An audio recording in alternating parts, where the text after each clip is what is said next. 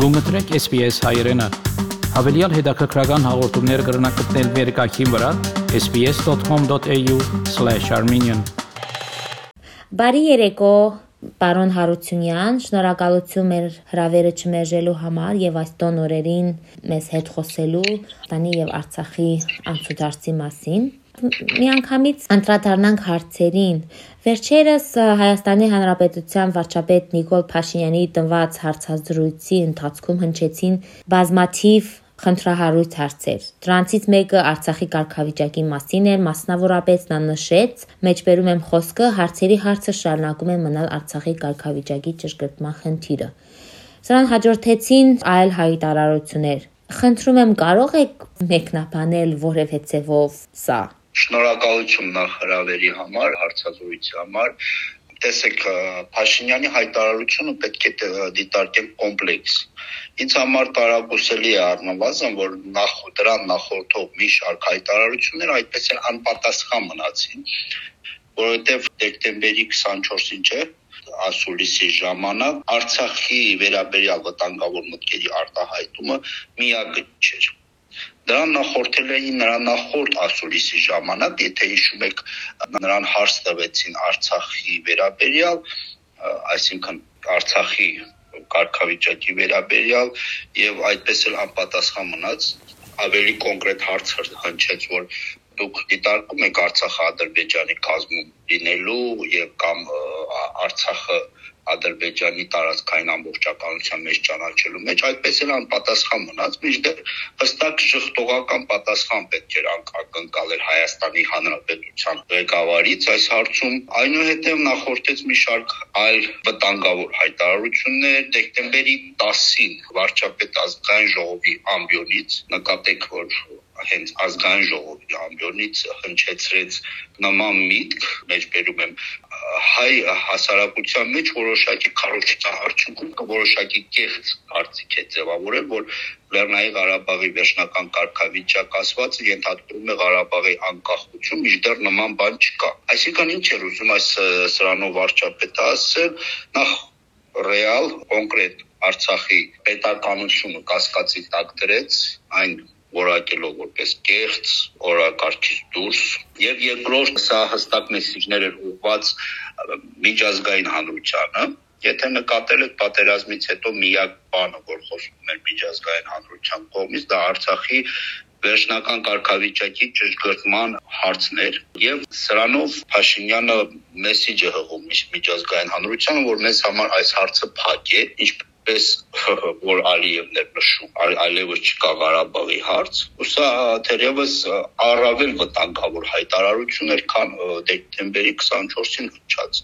այսպես ասած, բանականությունից հեռու հայտարարությունները, եւ նաեւ պետք է այս համատեքստում նաեւ նշել, որ նկատել եք, որ եւ Արևմուտքից եւ Ռուսաստանից անդադ խոսվում էր Արցախի կարգավիճակի մասին, մի դեպքում խոսվում է որ շուտապույտ պիտի լուծվի, մի դեպքում ապագայում, բայց այս հայտարարությունից հետո այլևս կարգավիճակի մաս մասին որևէ խոսակցություն չկա։ Նման դիրքորոշման եւս մեկ վտանգը այն է, որ հաստատի երևում է. Փաշինյանը հայ հանրությանը նախապատրաստում է Արցախի վերջնական կորուստի։ Ու սա գալիս է նրանից, որ իմ կարծիքով Փաշինյանը արդեն խոսում է կատարված փաստերի մասին, որ արդեն կորցրած Արցախը եւ իմ մոտ թե համենայն դեպս ինձ մոտ նման տպավորություն է, որ նա արդարանում է իր արածների համար եւ մեղավորներ փնտրում, այսինքն նա անդադ խոսում է, որ դեռևս 16 թվական թվականին, 15 թվականին չգիտեմ երբ, այսպիսի բաներ բանակցությունների սեղանին եւ այլ եւ այլ, բայց մի པարզ բան որ պետք է մեր հասարակությունը հասկանա, որ այդ ժամանակ բանակցություններ էին ընթանում եւ բանակցությունների ժամանակ խոսվում էր տարբեր թեմաների շուրջ բանակցությունները հենց դրա մասի դրա համար է որ խոսեն տարբեր թեմաների շուրջ եւ կան կոմպրոմիսի ինչ որ փոխ շահավետ ինչ որ բանի իսկ Փաշինյանը արդեն փաստ է արձանագրում որ այլևս չկա Արցախ այլևս մենք Արցախի հարցը Արցախի թեման համարում են փակված եւ այս համատեքստում նաեւ կարևոր է արձանագրել նաև Փաշինյանի մեկ այլ հայտարարություն, որը նա կրկին հնչեցրել է ազգային ժողովի ամբիոնից, որ մենք չեն գնում բանակցությունների Արցախի հարցում հայանպաստ լուծում բերելու համար կամ Արցախի հարցում հայանպաստ կամ Ադրբեջանում նպաստ լուծում չի լինի եւ այլ եւ այլ։ Սա թերևս խոսում է նրա կառավարության կողմից Արցախի հարցի դիրքորոշման արտահայտման մասին, այսինքն տարակուսելի է առնվազն, որ Փաշինյան որպես Հայաստանի Հանրապետության ղեկավար նման դիրքորոշում է հայտնում, քանի որ եթե դու գնում ես ինչ-որ մի հարցի շուրջ բանակցությունների, բնականաբար դու պետք է քո, քո համար նպաստավոր պայմաններ ստեղծես։ Իսկ նա հայտարարում է, որ Արցախի հարցում ենք հայանպաստման չեն գնալու, իսկ ադրբեջանանպաստ լուծումը արդեն པարզ է, հասկանալի Ադրբեջանը արդեն հայտարարում է, որ չկա Արցախի հարց, ըստ ամենայնի Փաշինյանը նույն ձևակերպումն է անում։ Եթե նկատել եք նաև Մինսկի խմբի համանախագահների վերջին հայտարարություններում, որոնք նրանք արել են հենց տարածաշրջան այցելելուց հետո, խոսվում է կողմերի մոտեցումների մասին եւ այս համաստեղեցում խոսում է Լեռնային Ղարաբաղի հիմնախնդրի հետ կապված եւ դրանցից բխող հարցերի լուծման մասին։ Այսինքն սա ինչ է նշանակում, որ Լեռնային Ղարաբաղի հիմնահարցը կողմերի համար, այդ թվում նաև հայկական կողմի համար այլևս փակված է եւ հիմա խոսում է դրա դրանից բխող եւ եւ դրա հետ կապված հարցերի մասին, այստեղ հասկանալի է, որ խոսում է ինչ որ սահմանների երևի մասին, գերիների եւ այլ եւ այլ հարցերի մասին եւ ընդհանրապես Արցախի մասին կամ Արցախի ապագայի կարգավիճակի մասին որևէ բանակցություններ այս պահին չեն ընթանում։ Դեռևս այսքանը Փաշինյանի հայտարարության մասին կրկին անգամ ցանկանում եմ նշել, որ պետք է կարևորին ուշադրություն դարձնենք մեզ մոտ էսպիսի մի վատ ավանդույթ է արդեն ձևավորել, որ մենք գնում ենք անընդհատ կեղծ օրակարգերի հետևից եւ կարևորը չեն կարողանում տարբերել երկրորդական հարցերից եւ այստեղ կարևոր հարցը Փաշինյանի հայտարարություններում սա ինչպես նշեցի պետք է կոմպլեքս դիտարկել թերևս վերջին ժամանակներում նրա հնչեցրած բոլոր հայտարարությունների համատեքստում եւ պետք է նկատել որ հենց այս հայտարարություններում եւ նրա Facebook-յան գրառումներում մեր միտք կա ամեն ինչի մասին որ նա պատրաստում է հայ հանրությանը Արցախի վերջնական կորուստին եւ խոսում է արդեն իսկ կատարվածի մասին, այդ այսինքն թերևս մեզանից գախնի երևի ինչ որ արդեն համաձայնության, եթե չասեմ ինչ որ փաստաթուղթ է ստորագրվել, ապա ինչ որ համաձայնություն կա Արցախը վերջնականապես Ադրբեջանին հանձնելու ցավոք սրտի նման դիրքորոշումը արդեն հարտահայտում է մենաբարձր մակարդակով կառավարության ղեկավարի կողմից եւ մենք պետք է հենց սա, այսինքն իրականությունը տեսնենք եւ իրականությունը այն է, որ Փաշինյանի կառավարությունը ձեռքել է լավանում է Արցախի հարցից եւ Արցախի հարցը նա համարում է փակված, այսինքն այստեղ նա կոմպրոմիսի է եկել Ալիևի հետ հավանաբար եւ Արցախի հարցը քննարկումների այս համատեքստում նա նույնպես Ալիևի հետ համամիտ է հավանաբար, որ Արցախի հարց այլևս գոյություն չունի։ Այս պարագայում Արցախը որպես սուբյեկտ, եթե գոյություն ունի, այսինքն եթե այդ հնարավորությունը ունի, ինչ քայլեր կարող է ձեռնարկել։ Մեկ կարևոր բան ունենք, որ Արցախը դե ֆակտո կայացած պետություն է եւ այս փաստը փաստը համենայն դեպս պաշտոնական մակարդակով ոչ մեկ չի շղթել։ Եվ արևմուտքից եւ Ռուսաստանից որ որևէ մեկ Արցախի պետականությունը կասկածի տակ չի դրել եւ մենք որպես դե ֆակտո կայացած պետություն կարող ենք դիմել միջազգային հանրությանը եւ ելնելով ներկա իրավիճակից, ասենքն միջազգային իրավունքի հիմնարար փաստաթղթերի հիման վրա ստանալ որևէ կարգավիճակ թեկուզ ցանկացած կարգավիճակ, որովհետև ներկա պահին ամենայն դեպս Արցախի կարգավիճակի ճշտումը, ճշգրտումը պետք է լինի հարցերի հարցը, որովհետև սա նաև անվտանգության տեսանկյունից կարևորագույն խնդիր է լուծում։ Այստեղ արդեն անելիք ունեն մեզանից յուրաքանչյուրը, քանի որ հենց հանրությունը պետք է պահանջներ կայացնի, եթե իշխանությունների մոտ նման ցանկություն չկա, ապա հենց հանրությունը ինչպես 88 թվականին պետք է մի համուր կեցված ընդունի եւ պահանջ ներկայացնի ինչպես Հայաստանի Հանրապետության իշխանություններին ցավոք սրտի եւ այնպես է միջազգային հանրությանը, որպեսզի Արցախի ապագայի կարգավիճակի վերաբերյալ որևէ այսպես ասած գոնե հայտարարության մակարդակով որևէ բան կարողանանք ճշգրտել։ Չնայած մեզ չի դիտարկում նման տենդենց, բայց մեր կրկնում եմ մեզանից յուրաքանչյուրը պետք է այս հարցում միահամուռ լինենք եւ կարողանանք հասնել մեր երագույն նպատակին Արցախի հայկական ու Արցախի ինքնորոշման ժողովրդի ինքնորոշման իրավունքի ճանաչման հարցում պետք է ամբողջ հայությունը միահամուռ կեցված կունենա որտեվ սա արդեն Արցախի, Արցախցու, Արցախահայերի գոյաբանության խնդիր է եւ անվտանգության տեսանկյունից մենք պետք է լուրջ մտածենք մեր անվտանգային համակարգի լուրջ փոփոխությունների մասին, քանի որ իրականում մեր անվտանգային համակարգը նախքին Հայաստանի Հանրապետության ոչ հեռանկար, պես ասած, թքած ունենալու քաղաքականության արդյունքում ներկա ներկա իշխանությունների ամբողջովին կարելի ասել փլուզվել է եւ պետք է մտածենք արդեն նոր անվտանգային համակարգի ստեղծելու մասին հաշվի առնելով նաեւ ռուս խաղաղապահների գործոնը, քանի որ ներկա պահին հենց պետք է իրական գնահատենք, որ ներկա պահին հենց անվտանգային համակարգի մեջ մեծ, ներդրում ունե ներդրում ունե նաև ռուս խաղաղապահների արկայությունը Արցախում, ինչպես նաև մեր դերևս, այսպես ասած, դերևս շնչող պաշտպանության բանակի հարցում պետք է լուրջ փոփոխություններ լինեն ժողովուրդը պետք է մասնակցի անվտանգային հարցերի լուծմանը նկատի ունեմ նաև զինված մասնավոր տեղերում բնակավայրերում կազմակերպել ինքնապաշտպանական ջոկատներ ժողովրդին պատրաստել հմտություններ ձեռք բերեն ցանկացած մեկը Արցախում այս բանին պետք է ունենա զենք բռնելու կարողություն թե կին թե տղամարդ անկախ սեռից տարիքից բոլորը անխտիր պետք է կարողանան զենք բռնել, քանի որ անորոշ իրավիճակում ապրելով պետք է պատրաստվել վատագույնին, որ เป զի ունենանք ավելի լավ ապագա։ Վերջերս համացանցում շատ եմ հանդիպում որոշ վերլուծաբանների կարծիք, որ շատ հնարավոր է, որ հենց Հայաստանի Հանրապետությունը հրաժարվի Արցախում ռուս խաղապահներից։ Սա որքանով է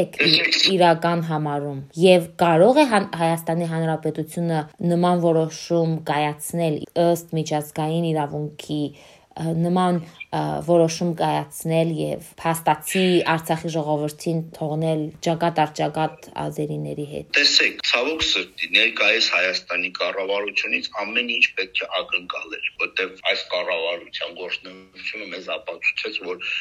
վատագույն իմաստով սյուրպրիզների մասնագետներ են եւ ամեն օր կարող եք մի նոր ակնկալի առաջ կանգնել բայց տեսեք այսօր մեր հիմնական հիմնախնդիրը որն է որպեսզի ամրագրվի խաղաղապահների այս դեպքում ռուս խաղաղապահների իրավական կարգավիճակը որը ցավոք սրտի առայժմ չկա, քանի որ մենք որևէ փաստաթղթի թղթի ականատես չենք եղել, որտեղ ամրագրված լինի խաղապանների գործնեության, նրանց իրավունքների, պարտականությունների արձանագրում եւ այլ եւ այլ։ Ընդամենը նոյեմբերի 5-ի այդ փաստաթղթի մի քանի նախադասությամբ էր ամրագրված խաղապանների իրավական հիմքը Եվ այսօր հայկական կողմի Հայաստանի իշխանությունների թիվ 1 հարցերից մեկը պետք է լինի, որ เป զի հենց խաղապահների մանդատի իրավական ամրագրման հասնեն, որ เป զի կարողանան ապահովել Արցախում համեմատաբար անվտանգություն եւ Արցախի ժողովրդի կենսագործնեության պայմաններ, սակայն մենք կանատես ենք լինում հակառակը, որ Հայաստանի Հանրապետության ղեկավարությունը ընդհանրապես Արցախի հարցի մանավանդ անվտանգային խնդիրների վերաբերյալ որևէ լուրջ քայլեր միջազգային ասպարեզում չի ա։ Այստեղ մարդիկ կան, նույնիսկ վերլուծաբաններ կան, որ քննադատում են ռուս խաղապահներին եւ Հայաստանում Երևանյան սրճարաններում նստած ինչ որ չաջերներով խելացի մտքեր են արտահայտում,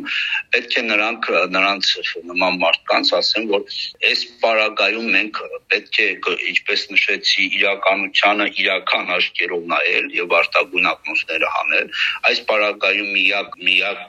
պետությունը միակ երկիրը, որ ցանկություն հայտնեց կամ կարողացավ գալ Արցախի ժողովրդի համեմատաբար անվտանգային համակարգի ներդրում ունենալ, դա հենց Ռուսաստանի Դաշնությունն էր։ Մենք տեսանք նաև արևմուտքի պահվածքը, նաև պատերազմի ընթացքում եւ հետ պատերազմյան շրջաններում հայտարարությունների, քննադատությունների տիրույթից այն կողմ որևէ գործողություն չեն իրականացրել եւ դրանով իսկ կապացուցել են, որ նրանք ընդհանրապես հետաքրքրող հետաքրքրված չեն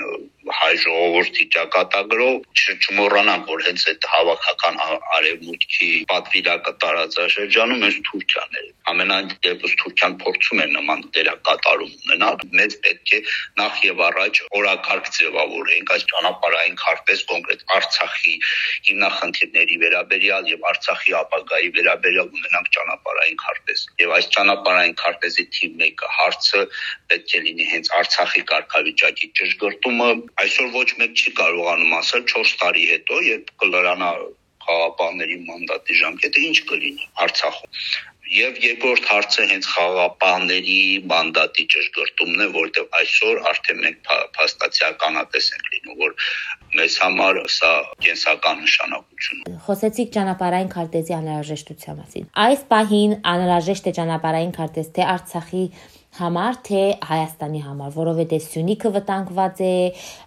ինչ է կատարվում Մեղրի միջանցքի հետ կապված, ոչ մեկ չգիտի, ինչ պայմանավորվածություններ կա Ադրբեջանի, Հայաստանի, Թուրքիայի միջև ոչ ոք չգիտի։ Միայն գիտենք, որ կատարվում են գործողություններ, որ թունելի չեն։ Ըստ քեզ այս վիճակից դուրս գալու ելքը ուր է եւ գիտեմ հեշտ պատասխան չկա սրան, բայց քո ճանապարհային քարտեզը որն է։ Մենք նոր հեծանիվ չենք օրինում։ Այս ամենի միջով մեր ժողովուրդը անցել է դեռևս 1988 թվականից մինչև 94 թվականը։ Եւ այն ժամանակ առավել եւս ավելի ծանր պայմաններ էին, հաշվի առնելով սովետական միությունն էր գերտերության հետ էին արճակատման գնում։ Հիմա ավելի կարելի է ավելի հեշտ ճանապարհով կարողանանք հասնել մեր ուզածին, եթե նախ եւ առաջ դրանում իրեն մասնակցություն ունենան մեր պետական այսինքն մեր իշխանությունները, ցավոք սրտի մենք այս այսօր որևէ ակնկալիք դրական ինչպես նշեցի հենց Փաշինյանի խոսքերում որ մենք չենք գնում հայանպաստ լուծման հայանպաստ որևէ ինչ որ հարցի լուծում մենք այս իշխանություններից չենք կարող կարող ակնկալել ուստի եւ պետք է նախ եւ առաջ հնարավորինս ազատվել այս իշխանություններից առանց ցնցումների հանրությունը պետք է համախմբվի ամբողջ հայ հայությունը Սփյուռքում, Արցախում, Հայաստանի Հանրապետությունում պետք է համախմբվի մեկ գաղափարի շուրջ,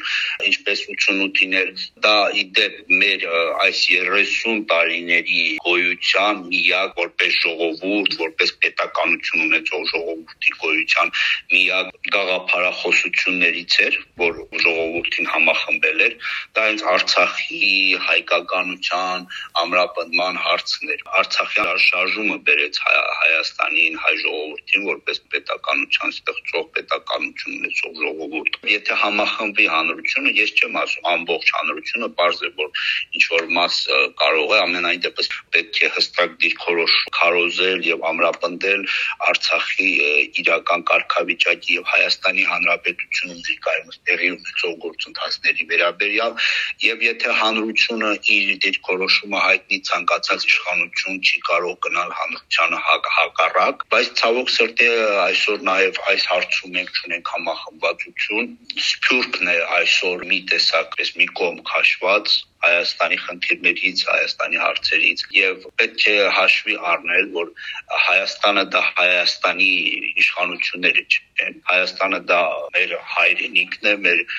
հայրենիքի մի պատառիկն է, որ այսօր վտանգված է եւ կարող ենք մենք այլևս պետություն չունենանք, պետականություն չունենանք եւ դառնանք քրդեր օրում ժողովուրդ, որ նորից վտանգի եզրին կանգնելով, նաեւ ցեղասպանության վտանգի եզրին կանգնելով ցավոք սրտի սա նույնպես արդիական հարց է արդեն դարել գոյաբանության հարցը հայ ժողովրդի իր հայրենիքում գոյաբանության հարցը։ Իմ կարծիքով այս հարցում պետք է համախմբվածություն լինի նաեւ Սփյուռքից եւ լուրջ մասնագետներ հավաքվեն քննարկեն արդի հարցերը իշխանությունների վրա որևէ հույս չդնելով հանրությանը ներկայացնել ինչ որ ինչպես նշեցի ճանապարհային քարտեզ մեզ մեր արկա խնդիրների լուծման համար տեսեք ինչ է կատարվում այսօր մենք ականատես ենք լինում որ արդեն իսկ Հայաստանի Հանրապետություն եւ Ադրբեջանի հետ սահմանազատման հանձնաժողով է ձևավորվում ես այս մասին անդրադարձել էի հոդվածներում եւ նշել էի որ հենց սահմանազատման սահմանազատման process-ը սկսվի համարեք որ Արցախի թեման արդեն դե յուրե փակված է, թե դե ֆակտո Հայաստանի իշխանությունների համար ցավոք սերտի արդեն փակված է եւ սահմանազատումը զատումը կբերի նաեւ Ադրբեջանի սահմանների ճանաչում Հայաստանի Հանրապետության կողմից եւ Արցախի ներառյալ Արցախի ներկայիս տարածքներ, այսինքն եթե դու ճանաչում ես սահմանները, դու ճանաչում ես այդ սահմանների ներս տարածող տվյալ պետության իրավազորությունը։ Իսկ իրավազորության տարածումը դա նույն բանն է, ինչ որ տարածքային ամբողջականության ճանաչում։ Եվ Արցախի հիմնահարցից զատ ինչպես Փաշինյանն է նշում անընդհատ որ սա պետք է տարբեր ձևաչափերով քննարկվել, սա ամենամեծ կոպիտ սխալն է, որ կատարվել է Հայաստանի Հանրապետության իշխանությունների կողմից Արցախի հարցում։ Եթե հիշում եք, նույնիսկ այս մասին խոսել է նաև Հայաստանի նախկին արտգործնախարար Արա Այվազյանը, որ շատ վտանգավոր է Արցախի հարցից զատ քննարկել սահմանազատման հարց։ Այսօր պետք է ամեն գնով կասեցնել հենց սահմանազատման process-ը, սահմանազատման պայմանագրի կարգավորումը, ինչու ինչու եմ ասում պայմանագրի, որտեղ մենք Սոչիի հանդիպումից բանից հետո հայտարարության տեքստում նաև այսօր է խոսում այդ մասին, որ ականատես եղանք, որ ձևավորվում է սահմանազատման հանձնաժողով։ Իսկ սահմանազատման հանձնաժողով իրավաբանորեն չի կարող ձևավորվել առանց պայմանագրի, որտեղ նաև նշված է լինում նաև քարտեզներ էր արկալինում, որի համաձայն հենց այդ սահմանները գծվում են։ Եվ եթե մենք խոսում ենք խոսում են հասարմանալիզացման պայմանագիր հանձնաժողով ստեղծելու մասին, ապա ուր է պայմանագիրը, եթե չկա պայմանագիր, ապա ինչի իման վրա է ստեղծում այդ հանձնաժողովը, եթե կա պայմանագիր, ապա ինչու է գախտի պահվում։ Ամենաառաջնային հարցը պետք է սա լինի հենց այդ սահմանազատման process-ի կանգնեցումը։ Թարմացնեմ նաև հիշողությունները, որ այդ սահմանազատման խնդիրը առաջացավ նաև այն բանից հետո, երբ ադրբեջանցիները մոտ գործեցին Հայաստանի Հանրապետության տարածք, Հայաստանի Հանրապետությունում կոնկրետ Նիկոլ Փաշինյանը սկսեց խոսել սահմանազատման մասին, տարածքային ամբողջականության մասին, միջար այդ նման հարց չկար եւ ինչու ադրբեջանցիները մտան Հայաստանի տարածք ինչու զորքերի հետ քաշելուց հետո համապատասխան տարածքներում մենք ճանաչանք համապատասխան զորքեր որ բեջանցիները չկարողանային մտնել Հայաստանի տարածք հենց այդ տարածքներում մենք մենք պետք է թելադրեինք ադրբեջանցիներին թե որտեղ նրանք կանգնեն բայց ցավոք սրտի եղավ հակառակը եւ հենց սա բերեց այս սահմանազատման հարցի բարձրացմանը ինձ թվում է սա հենց պայմանավորվածությունների իրագործման արդյունք է որպեսզի Հայաստան փրկություն երկու օպերացիա իրականացնի եւ սահմանազատում անելով Նիկոլ Փաշինյանը հայտարարի որ տեսեք ես փրկեցի Հայաստանը եւ Հայաստանի տարածքները վերադարձրեցի։ Շատ շնորհակալություն հարցազրույցի համար, պարոն Հարությունյան, մինչ նոր հանդիպում։ Ես եմ շնորհակալ մեր ժողովուրդը նոր տարում ցանկանում եմ որպեսզի արժեվ ծառացած բոլոր հարցերը բերեն հայանպաստ վերջնական արդյունքների ցանկանում եմ բարօրություն ամբողջ հայության Հավնե լայք բաժնեկցե դարձիկը թայտնե հետեւե SPS հայրենին թիմադեդի վրա